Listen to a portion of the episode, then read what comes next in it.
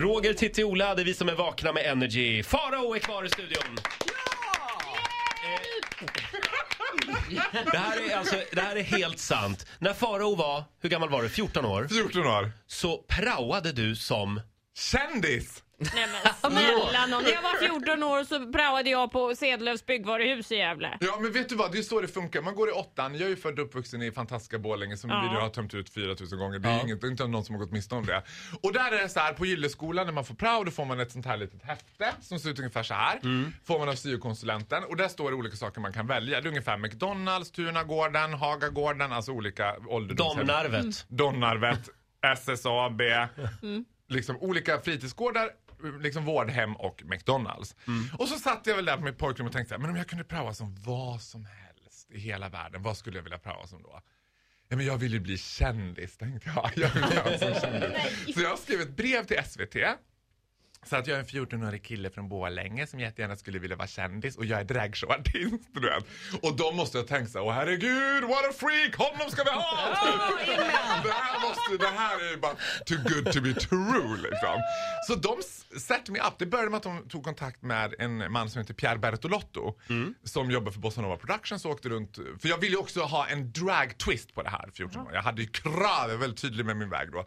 Eh, och då skulle jag åka runt med Rickard Engfors och ta ut Fröken Sverige-kandidater. Ah, just det, det här kommer jag ihåg. Men Pierre Bertolato fixade ihop mig med the one and only living legend Leo Berglund. Ja. 14 år gammal. Leo Berglund är alltså en ikon inom våran glada värld och en ikon inom gayvärlden Ja, för drag ska man säga. Får man nog säga. Fantastisk kvinna. Eh, Ja, dragshowartist. men hon är helt, vet du vad, Ja. vi skulle kunna göra ett program bara om henne. Hon är helt fantastisk. Ja. Hon har betytt så mycket för. Hon syr ihop en prao för mig som inte är av denna dag alltså. Vad fick du göra under Ja, din prao? bland annat så var jag med Susanne Reuter på eh, Oscarsteatern. Ja. Vad heter det? Där hon spelade Maken till fruar. Och så hängde jag med Susanne på dagarna för hon var ju ledig på dagarna. Så då gick vi och badade på Eriksdalsbadet och det, Mhm. Det som hon, sant? Ja men det var ju helt sjukt. Jag var ju- Skämtar du? Nej! Jag var med Charlotte Perrelli, jag var med vad heter det, Robert Gustafsson. Under med, din praovecka när du var 14 under år min gammal? praovecka när jag var 14 år. Jag var med Vanna Rosenberg och jag var med Lars-Åke Babsan Wilhelmsson. Underbara. Härliga Lars-Åke. Ja. Härliga Lars-Åke, underbara Lars-Åke. Jag älskar Lars-Åke, jag tycker det är jättehärligt med den så här. Men det är ju lite hybris, på ett härligt sätt. Ja. Så att vad vi gjorde då under min dag med Babsan, det var liksom att jag, vi var någonstans och tvättade någon peruk. Sen var vi hemma hos honom. ja, ja, men det var någonting sådär, kommer jag ihåg. Var så. Sen var vi hemma hos honom och då skulle han visa alla sina kläder och alla sina gamla filmklipp och jag låg i en divan och skulle så här, titta på alla de där filmklippen liksom. Och sen frågade han om jag ville ha någonting att dricka.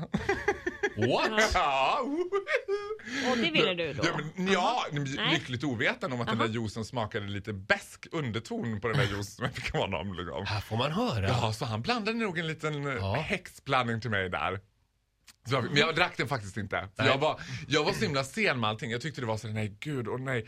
Och Leo var ju också liksom stenhård på mig. Hon var ju, sydde ihop den här pratplatsen. Hon var så här. Nej du åker ingenstans, du snackar inte med någon, du tar taxi hem, du akta dig för den och den och den och inga drinkar från främmande män. Så när Babsan kom med den där paraply, ho, ho, ho, då tänkte jag så här. Stranger danger! Ja, precis. Då visste jag, då hade Leos röst ekat. Ta inte emot drinkar Men från om du inte främmande män. smakade på den, då, eh, då Jag vet... smakade, jag smuttade ju på den lite Ja, grann. och det var alkohol i den?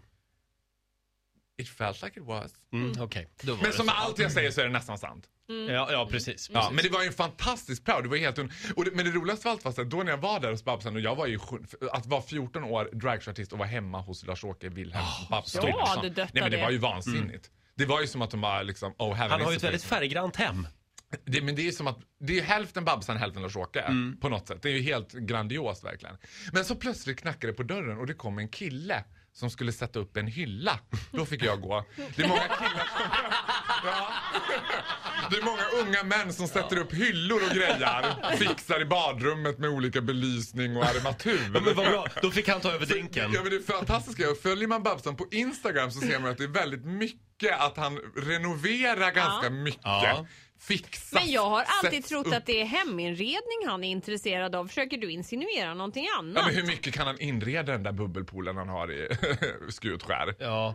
Det är väldigt mycket, det, alltså, det betalas så att de här killarna får bada lite i hans bubbelpool. Det badas mycket bubbelkopp i, i, hans, eh, i hans sommarstuga utanför Eller Gävle. bada butt som man säger i Borlänge. Ska, vi, ba, ska vi bada butt? Säger Bada man. butt? Vi badar butt. Jag tror Okej. man ska ta en dusch efter man har varit där i, ja. Eh, Med lite, Tror du det? ja, med lite rengöringsmedel. Jag Det är som det står på alla bastuklubbar i Barcelona, simma inte med öppen mun i bubbelpoolen. Då står venhalsaren där och knackar på. Jag har själv suttit i den där bubbelkoppen i Furvik. Nej men snälla någon, hur gick det då? Jag och mitt ex. Eh, Oj då, hur gick det till? Jo, nej, ja men vi badade bara. Var ni där och satte upp en hylla först? Inga I- hyllor. Var det ingen typ av renovering överhuvudtaget? Ingen renovering alls. Ni behöver inte hjälpa- Men han har en fantastisk, ett poolområde och så har han så här skyltar överallt där det står Babsans Beach Club. Så kul.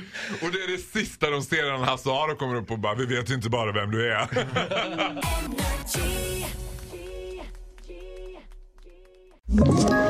Ett poddtips från Podplay. I podden Något Kaiko garanterar östgötarna Brutti och jag, Davva, dig en stor dos skratt. Där följer jag pladask för köttätandet igen. Man är lite som en jävla vampyr. Man har fått lite blodsmak och då måste man ha mer. Udda spaningar, fängslande anekdoter och en och annan arg rant. Jag måste ha mitt kaffe på morgonen för annars är jag ingen trevlig människa. Då är du ingen trevlig människa, punkt. Något Kaiko, hör du på Podplay. Därför är gardinerna.